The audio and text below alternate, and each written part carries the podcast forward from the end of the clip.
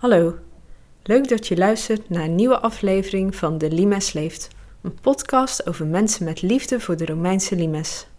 Mijn naam is Deborah en Romeinse Limes Nederland heeft me gevraagd om elke week in oktober een speciale podcast te maken in het kader van de Maand van de Geschiedenis. Deze aflevering spreek ik met archeoloog Stijn Heren, gespecialiseerd in fibulae.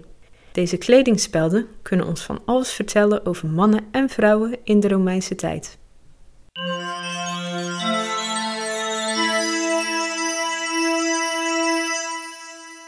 Ik ben Stijn Heren, ik ben archeoloog eh, aan de Vrije Universiteit. Gespecialiseerd in eh, de Romeinse tijd met name. En op dit moment doe ik het PAN-project, waarbij we vondsten van detectorzoekers eh, die in, vrij, in hun vrije tijd als hobby op akkers lopen en allerlei mooie vondsten verzamelen. En die zijn belangrijk voor archeologisch onderzoek. En die zijn we op dit moment aan het verzamelen, aan het invoeren en ook online aan het weergeven voor iedereen die daarin wil zoeken. Ben je ooit ook bij de VU begonnen als student? Nou, ik ben uh, oorspronkelijk uit interesse uh, naar de Tweede Wereldoorlog ben ik bij de VU terechtgekomen als geschiedenisstudent. Al heel gauw had ik door dat de archeologie heel spannend was en dat er allerlei nieuwe ontwikkelingen waren. Dat daar ook een commerciële sector aan werd opgebouwd, dat daar werk in was.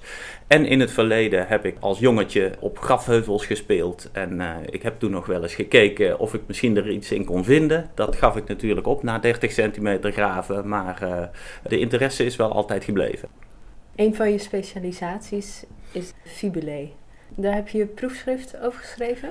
Um, nou, die kwamen er wel veel in voor, fibulae, maar dat was niet specifiek mijn onderzoek. Mijn proefschrift ging over romanisering, hoe de lokale bevolking gewoontes, gebruiken en uh, materiële cultuur van de Romeinen overneemt.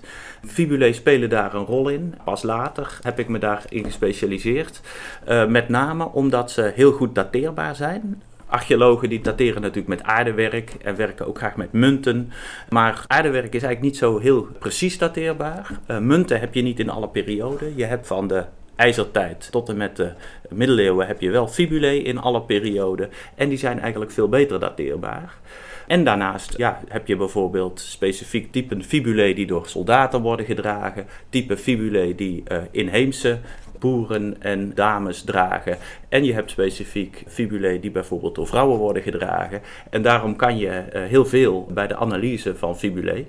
En een derde reden is dat ze ontzettend veel worden gevonden. Het kan zomaar zijn dat een opgraving van een legerkamp of een opgraving van een plattelandsnederzetting duizend fibulae oplevert. En omdat ze zoveel worden gevonden en werden gebruikt, uh, ja, kun je er heel veel mee met het onderwerp. Misschien kun je even uitleggen wat een fibula is. Een fibula is een kledingspeld. Het wordt vaak gezien als een mantelspeld. Specifiek de soldatenmantel werd met een fibula vastgezet. Vrouwen droegen vaak twee fibulae, op iedere schouder één, uh, verbonden door een ketting. En ze gaan dus van kledingspeld die echt een kleding moest samenhouden, wordt het langzamerhand alleen maar decoratief. Wordt het een soort broche die je opspelt, die moet opvallen. Ze zijn vaak van koperlegering. Uh, nu komt dat groen uit de grond, maar destijds heeft dat een mooie rode bronskleur of uh, gelig, een messingkleur. Uh, lijkt het een beetje op goud, dat schittert ook in de zon. Dus vroeger was het echt ja, de blikvanger van je, van je tenue, van je, van je kleding. En als we specifiek hier naar de Nederlandse limes gaan, daar zaten veel soldaten. Heb je dan onderzocht welke type fibulae die soldaten vooral dragen? Ja, dat komt wel heel duidelijk uh, naar voren. Dat uh, in ieder geval sowieso de limes is waar er verreweg het meeste zijn. Als ik alle plaatsen van uh, fibulae, waar fibulae gevonden zijn in Nederland, als een enkele stip zet, dan staan er al het meeste stippen in de Limes-regio. Maar als ik dan ook nog eens uitdruk uh, hoe groot de collecties zijn, ja, dan heb je spelderprikjes in Noord-Nederland en in Zuid-Nederland. En dan heb je grote ballonnen van grote aantallen vondsten uh, langs de Limes. Dus het fibula-gebruik is zonder meer het meest intensief uh, langs de Limes. Het is inderdaad zo dat de soldatenfibulae goed herkenbaar zijn. In de vroeg-Romeinse tijd zijn dat bijvoorbeeld fibulae uh, waar naam, namen ingestempeld staan. Dat zijn dan de namen van de fabrikanten. Die noemen we bijvoorbeeld de Aukissa fibula. Dat is typisch een speld door soldaten gedragen. En die wordt met tientallen langs de limes gevonden en nauwelijks op het platteland en verder weg van de limes. Maar het is niet alleen maar de soldatenfibulae, want ook bijvoorbeeld de geëmailleerde schijffibulae. Dus daar heb je plaatjes die met emaai versierd zijn in allerlei mooie patronen. Ook vaak bijvoorbeeld in dierfiguren. Een aantal daarvan zit een ringetje aan, dat wijst op die ketting, werden dus voor vrouwen gedragen. En ook die vind je extra veel in de Limes-regio. Dus de Limes is ja, natuurlijk de regio waar soldaten gelegerd waren, maar die trokken ook allerlei handelaars aan. En de handelsnederzettingen eromheen en de plattelandsnederzettingen eromheen, die veranderden ook door de komst van de soldaten en die handelaars. En daar vind je ook heel veel ja, rijk gedecoreerde vrouwenfibulae. En vind je ook in de forten vrouwenfibulae? Want daar is de laatste jaren meer onderzoek naar dat in die forten misschien wel vrouwen en kinderen ook woonden. Is daar bij die fibulae ook bewijs van gevonden? Wat er nog in de kinderschoenen staat, is echt het, de vergelijking tussen de vondsten die uit forten komen en de omliggende nederzettingen. Daar is nog niet heel veel in gedaan. Dus hoe ze zich tot elkaar verhouden is moeilijk te zeggen. Maar absoluut zijn er ook typisch vrouwelijke fibulae in de forten gevonden. Ja, zeker. Wat voor informatie kun je verder nog uit die fibulae halen? We kunnen aan de hand van de fibulae van het oppervlak kijken wat voor type nederzetting er lag. Wat ik daarmee bedoel is dat we natuurlijk lang niet alle plekken in Nederland hebben opgegraven. Bijvoorbeeld zoekers uh, lopen op een akker en vinden grote hoeveelheden gespen, en fibulae en munten en uh, ander materiaal. En als die verzameling groot genoeg is, kunnen we aan een verzameling fibulae zien of die bij je typisch is voor een legerkamp, of dat die typisch is voor bijvoorbeeld een plattelandsnederzetting. Of als er extra veel complete bij zitten, ja, dan kun je dus met een goed bewaarde plaats zien waar ze misschien gemaakt werden of waar ze in het water werden gegooid. Dus als er maar genoeg fibulae zijn, bijvoorbeeld meer dan 50 of richting de 100, dan kunnen we aan de hand van de fibulae van het oppervlakte zien wat voor type vindplaats daar waarschijnlijk onder de grond ligt. Dat is wel interessant, want dan gaat het niet om opgravingen, maar inderdaad zoekers. Zijn dat die vondsten die bij dat panproject worden aangemeld? Ja, klopt. Het PAN-project is specifiek opgericht om de grote aantallen vondsten die mensen thuis hebben ook bij onderzoek te betrekken. nu gaan archeologen, als ze materiaalonderzoek doen, dan kijken ze naar de collecties uit opgravingen en dan kijken ze naar de collecties uh, die bijvoorbeeld in musea liggen. Maar nu blijkt wel dat daar waar archeologen ooit hebben mogen graven, dat is alleen daar waar ontwikkeld wordt. Bijvoorbeeld bij het leggen van een spoorlijn of bij het bouwen van een nieuwe woonwijk. Zoekers komen op hele andere plekken, namelijk op boerenakkers en soms ook in bosterreinen, als het daar mag, als ze toestemming krijgen. En op die plekken worden weer andere dingen gevonden. Archeologen leren nieuwe dingen door deze oppervlaktecollecties uh, te bestuderen. En ja, archeologen hebben maar geld om op een aantal plekken per jaar te graven. Deze zoekers komen op veel meer plekken, dus we hebben, krijgen een veel breder beeld als archeologische onderzoekers ook naar de oppervlaktecollecties kijken.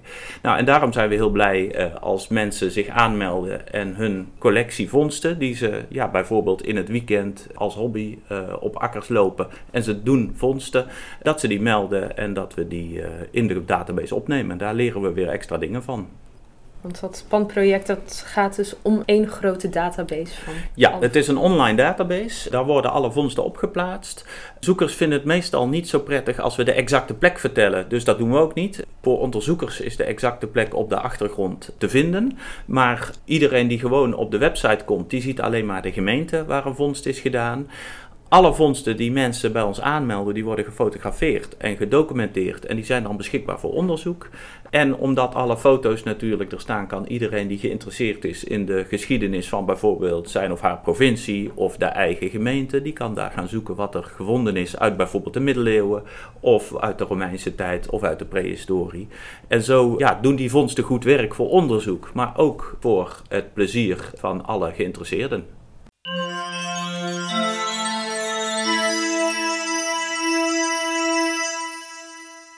Deze aflevering voor de Maand van de Geschiedenis gaat over de Limes-provincie Utrecht. Heb je daar een aantal voorbeelden van mooie fibulae die zijn gevonden? Een belangrijke collectie is van Fort Vechten. Het fort van de waterlinie is uh, in de 19e eeuw aangelegd en toen zijn al archeologische vondsten gedaan. Die zijn overgedragen aan het RMO in Leiden. Maar later zijn er ook nog opgravingen geweest en Fort Vechten heeft echt een hele mooie collectie fibulae opgeleverd.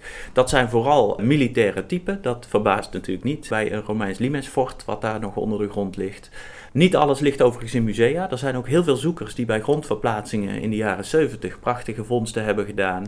En daar heb je ja, de echte grote soldatenfibulae die bedoeld waren om de zware soldatenmantel dicht te maken. Daar zijn ook vrouwenfibulae, eh, dus fibulae gedragen door vrouwen gevonden. Bijvoorbeeld eentje met een uh, opschrift, een liefdesinscriptie. Daar zijn wel wat exemplaren van bekend en daarvan wordt aangenomen dat iemand die verliefd is een fibula koopt bij de smid en dat hij die aan zijn geliefde geeft en als zij die draagt, dat dat een teken is dat de liefde beantwoord is. Al zijn er ook inscripties van afgewezen liefdes die iemand kan dragen.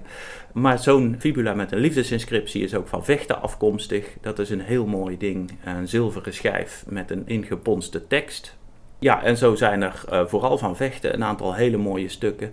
Maar ook de nederzettingen rond Wijk bij Duurstede. Hè, ook die zijn deels opgegraven door professionals. Deels zijn die bestudeerd door private vondsten. En daar zitten ook enkele hele belangrijke stukken uit de vijfde en de zesde eeuw tussen.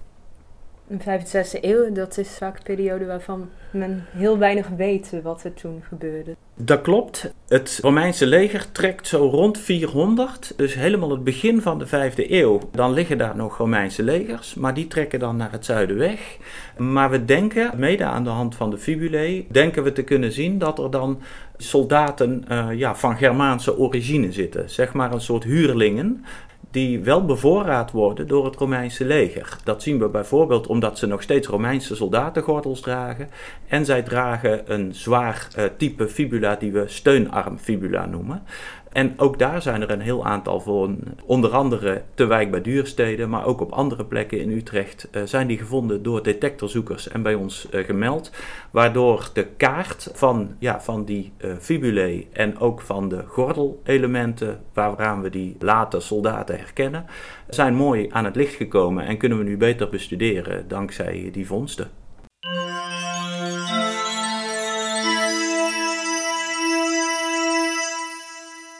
En wat zijn nu bijzondere vormen? Ik woon zelf in Woerden, daar heb je bijvoorbeeld een kikkerfibula. Mm De groep schijffibulae, waar je het dan over hebt, hè, in de tweede en ook de derde eeuw worden er heel veel platte fibulae gemaakt met email of glas erop gesmolten. Die hebben allerlei vormen, van bijvoorbeeld schoenzolen uh, tot die kikker die je noemt, of hartvormen.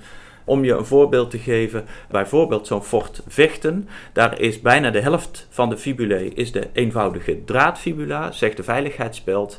Dan is er bijvoorbeeld zo'n 10 tot 15 procent zijn de zware soldatenfibulae die de mantel vasthielden. En dan is er een grote variatie aan schijffibulae. Zowel mannen als vrouwen kozen een symbool uh, van hun keuze elke individuele, zoals die kikker, nou daar zijn er een stuk of vier van in Nederland. Dat is tamelijk schaars. Maar er zijn ook weer heel veel hazen en hanen en allerlei andere symbolen en letters. En er zijn ook fibulae met tekst erop, zoals Utere Felix. En dat betekent zoiets als houd mij veilig, heb geluk. En heel veel fibulae, bijvoorbeeld ook in de vorm van een pelta. Dat is het symbool voor een schild om je te beschermen tegen het kwade. Dus er zijn heel veel fibulae die waarschijnlijk dienden als geluksbrenger of als beschermer tegen onheil. Oké dan bijna een soort amulet? Of? Ja, heel veel daarvan kun je als amulet beschouwen. Ja, er is echt een soort geloof of bijgeloof dat als je met dit soort symbolen omgaf, dat je dan betere kans had om uh, ja, beschermd te worden tegen ziekte of dood. Zie je dan ook dat er varianten zijn die alleen dan in Nederland voorkomen? Dat is zeker het geval. Er zijn bijvoorbeeld typen die heel veel voorkomen in het rivierengebied. Er zijn een paar typen die we vooral op de Brabantse zandgronden vinden en die nauwelijks noordwaarts zijn verspreid. Tegelijkertijd moet ik zeggen, er zijn ook typen die langs de Limes verspreid zijn, die je dus in de benedenrijn vindt, maar ook uh, de bovenrijn, uh, Zwitserland, langs de Donau in Hongarije terecht zijn gekomen. Dus het is een uh, mengsel van beide. Dus er zijn typen die bovenregionaal over het halve Romeinse Rijk zijn verspreid. En je hebt uh, lokaal vervaardigde imitaties, het type die maar een heel klein verspreidingsgebied kennen. Zo vinden we ook bijvoorbeeld in Nederland aardig wat Britse fibulae. Engelse fibulae zijn goed herkenbaar. In Engeland werd een hele eigen stijl gehanteerd, bijvoorbeeld de Britse trompetkop fibulae. in grote aantallen, uiteraard in Engeland. Maar in het Nederlandse rivierengebied en ook in Utrecht vind je daar een flink aantal voorbeelden van. Ze zijn zo goed gelijkend op de Engelsen dat ik niet denk dat het imitaties zijn. En dus kun je ervan uitgaan dat er mensen die vanaf het continent naar Engeland zijn gereisd en terugkwamen, of Britten die over zee kwamen en dan via de Rijn eh, bijvoorbeeld naar het huidige Duitsland zijn gereisd, dat die die spelden droegen en af en toe verloren.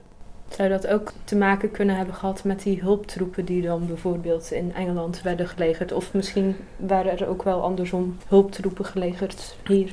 Dat is allebei mogelijk. Ik denk inderdaad dat er bijvoorbeeld in de omgeving van Nijmegen, daar zijn opvallend veel van die Britse fibulae. Ik denk dat daar Britse troepen hebben gelegen die die spelden meenamen.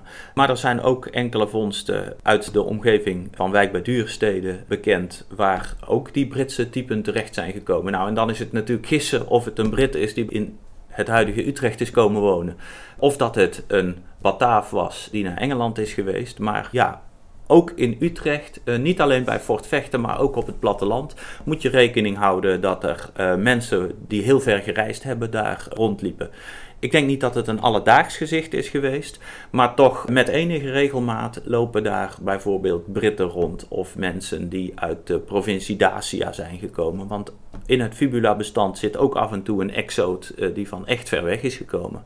De provincie Dacia is wat tegenwoordig ongeveer het huidige Roemenië is. De provincie Pannonia is wat ongeveer het huidige Hongarije is. En er zijn aardig wat fibulae met kenmerken uit dat gebied bij ons terechtgekomen. Zo is daar ook de Kikade fibula die aangemeld is bij het PAN-project via Landschap Erfgoed Utrecht. En die Kikade fibula die heeft een constructie en die is typisch voor ofwel Pannonië ofwel Dacia, dus het stroomgebied van de Donau daar is die waarschijnlijk vervaardigd. En ja, naar alle waarschijnlijkheid met een soldaat of een vrouw van een soldaat langs de Donau en de Rijn in onze streken terechtgekomen. Wat is er zo bijzonder aan die fibula? Wat is een kikade ook? Ja, nou, een kikade is een krekelachtig insect. Maakt een heel kenmerkend geluid in de zomer. En het is dus een fibula in de vorm van een kikade, van dat diertje. En die fibula is op een hele mooie manier ingelegd geweest met waarschijnlijk rood email of rood glas. Dus op de vleugels zijn cellen van brons omhoog gewerkt en in die cellen is dat rode materiaal ingelegd. Dus de fibula is vormgegeven als zo'n kikade en de speldconstructie daaronder kan ik herkennen als typisch voor het Donau-stroomgebied. Dat zijn dus bijzondere vondsten die uh, af en toe tevoorschijn komen. Wat hoop je met dat PAN-project te bereiken? Nou, er zijn twee dingen die het PAN-project zal opleveren. Enerzijds is dat dus dat bredere inzicht in hoe fibulae verspreid zijn en andere vondsten. Wat ik eerder al zei, als we alleen materiaal uit opgravingen betrekken, dan krijgen we een beperkt beeld, omdat archeologische opgravingen vinden alleen plaats daar waar gegraven wordt. Zoekers in Nederland, of het nou met een metaaldetector is of gewoon met het blote oog, die lopen op hele andere plekken. Dus we uh, leren veel meer als we alle vondsten betrekken. En ten tweede zijn archeologische vondsten natuurlijk niet alleen voor onderzoekers, maar ook voor de mensen die geen archeoloog zijn. Gewoon uit interesse wat er in de eigen woonplaats is gevonden of gewoon de bewondering voor prachtige vondsten. En daarom is het heel belangrijk dat die vondsten ook gefotografeerd online komen en voor iedereen te doorzoeken zijn. Dus ik wil als archeologisch onderzoeker meer leren, maar ik wil ook dat de archeologie voor heel Nederland toegankelijk is om ervan te genieten.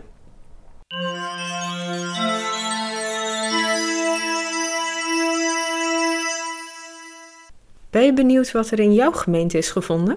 Kijk dan op de website www.portable-antiquities.nl. Volgende week spreek ik met bioloog en archeoloog Jan Verhagen over zijn promotieonderzoek naar Romeinse waterwerken en zijn zoektocht naar de gracht van Drusus.